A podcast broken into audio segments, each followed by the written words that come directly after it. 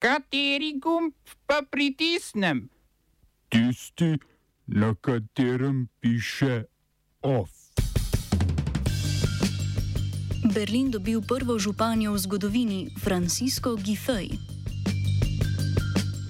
Nekdani ukrajinski predsednik Petro Porošenko osumljen izdaje. Vlada za zvišanje plačila gen energije v sklad za razgradnjo NEK. V kulturnih novicah erudit Jože Bruman v Mau.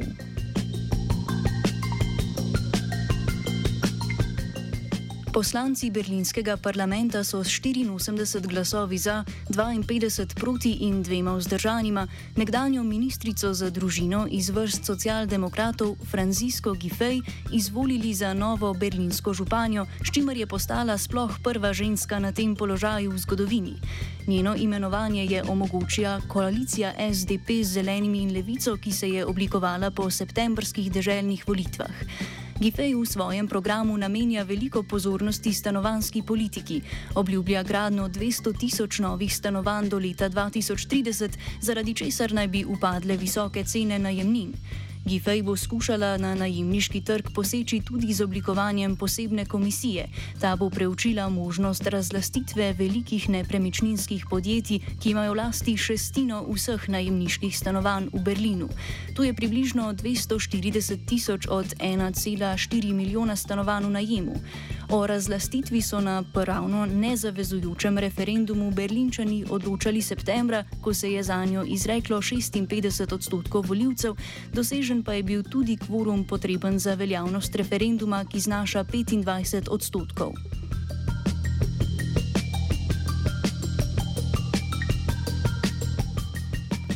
Ukrajinske oblasti so sporočile, da so v okviru preiskave, ki jo vodijo proti nekdanjemu predsedniku Petru Porošenku, tega uradno osumile izdaje.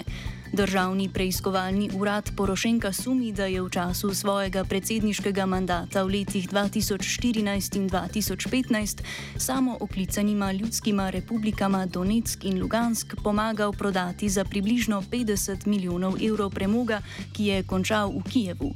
S tem naj bi zagrešil kaznivi dejanji izdaje in pomoči terorističnim organizacijam, kot ukrajinske oblasti označujejo doneške in luganske proruske separatiste.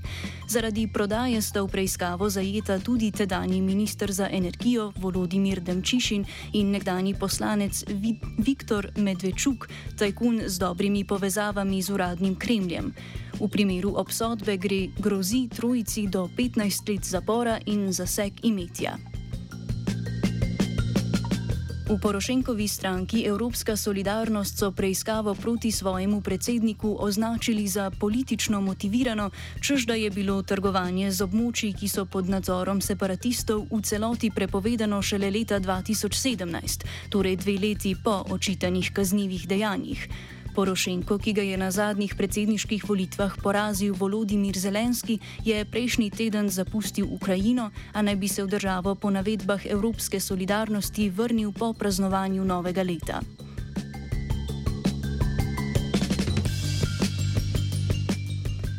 Tigrajska ljudska osvobodilna fronta, krajše TPLF, je naznanila umik iz regij Amhara in Afar, ki mejita na Tigraj na severu Etiopije.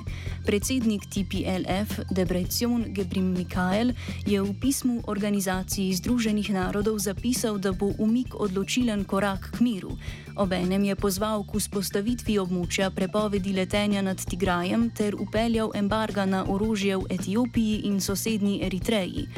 Gebre Mikael je tudi, se je zauzel tudi za sprožitev mehanizma UZN za zagotavljanje nadzora nad oboroženimi silami, ko se bodo te umaknile iz regije. Čeprav se zdi, da bi umik TPLF lahko pomenil pripravljenost na sklenitev premirja, ki bi vsaj presekal, če že ne zaključil 13-mesečne državljanske vojne, za zdaj še ne kaže, da je vojna za prenehanje vojskovanja, volja za prenehanje vojskovanja obojestranska. Tiskovna predstavnica etiopskega premijera Abija Ahmeda Bilen Sejum je naznanitev, da bodo tigrajske čete umaknile v Tigraj, označila za krinko, s katero želi TPLF odvrniti pozornost od vojaških porazov.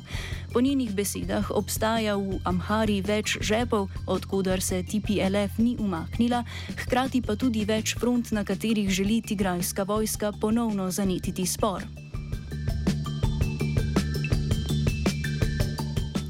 V spopadih med protestniki in policijo v Gomi, prestolnici province Severni Kivu v Demokratični republiki Kongo, je bilo ubitih več ljudi, potem ko je na barikadah prišlo do streljanja.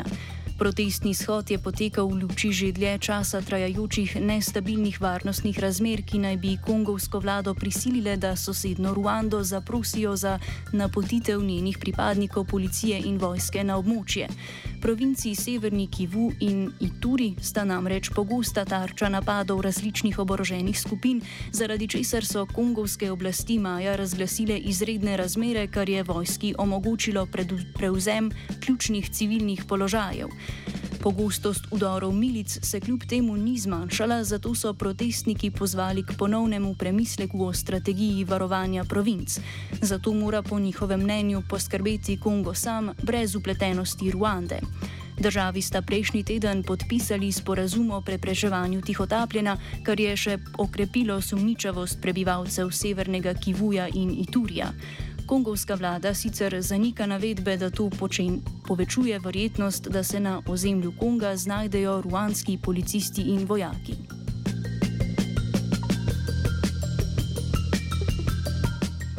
Senat ameriškega kongresa je za novo veleposlanico Združenih držav Amerike v Sloveniji potrdil Jamie Linder Harputlien.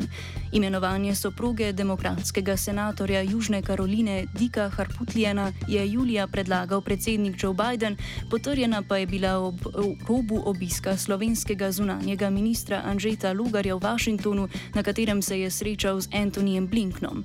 Linder Harputlien bo v Ljubljani nasledila Lindo Blanchard, ki je januarja ob koncu mandata nekdanjega predsednika Donalda Trumpa odstopila z položaja. Oba, če, če bom odgovoril na angliški. Slovenija bo poskušala pomagati. Slovenija bo naredila naš utmost, da bo rekla, da je situacija naš problem, sami. In da bomo naredili nadaljnje korake, as soon as the conditions are. Bomo vlado Marjana Cererja Šarca podprli. Very, very serious. News from Slovenija. We know how and we will. Vlada je pripravila predlog, po katerem naj bi družba Gen Energija v sklad za financiranje razgradnje nek in odlaganja njenih radioaktivnih odpadkov iz nek prihodnje leto plačevala po nič celih nič 12 evra za prevzeto kilovatno uro proizvedene električne energije. Za prevzeto megavatno uro bi to pomenilo zvišanje zdajšnjega 4,8 evra na 12 evrov, kar bi bilo dovolj za kritje stroškov vseh dejavnosti programa razgradnje nuklearne energije krškov in odlaganja radioaktivnih odpadkov ter izrabljenega jedrskega goriva. Upoštevajoč lani proizvedeno električno energijo v neku, bi gen energija z novo vrednostjo uplačil v omejeni sklad od 1. januarja prihodnje leto na letni ravni uplačala skoraj 36 milijonov evrov. Ministr za notranje zadeve Aleš Hojs je danes po noči prestal že drugo interpelacijo in tako ostaja na položaju. Za interpelacijo je glasovalo 44 poslancev proti 37 predlagateljem interpelacije iz koalicije Ustavnega Luka, sta za njen uspeh tako zmanjkala dva glasova.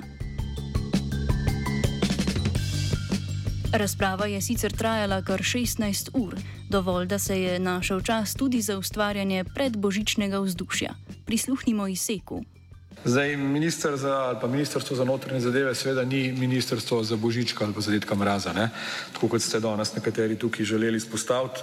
Uh, najbolj bi rekel, abotno je to, da o tem govorijo ljudje, katerih uh, njihovi politični partnerji v Evropi uh, božička izginjajo ali pa iz, iz, želijo izgnati iz vokolovarja, torej iz, iz, iz, iz uh, slovarja, torej da se božiča sploh ne bi smelo menjati. To, to mislim, je res nepredstavljivo, kaj se dogaja.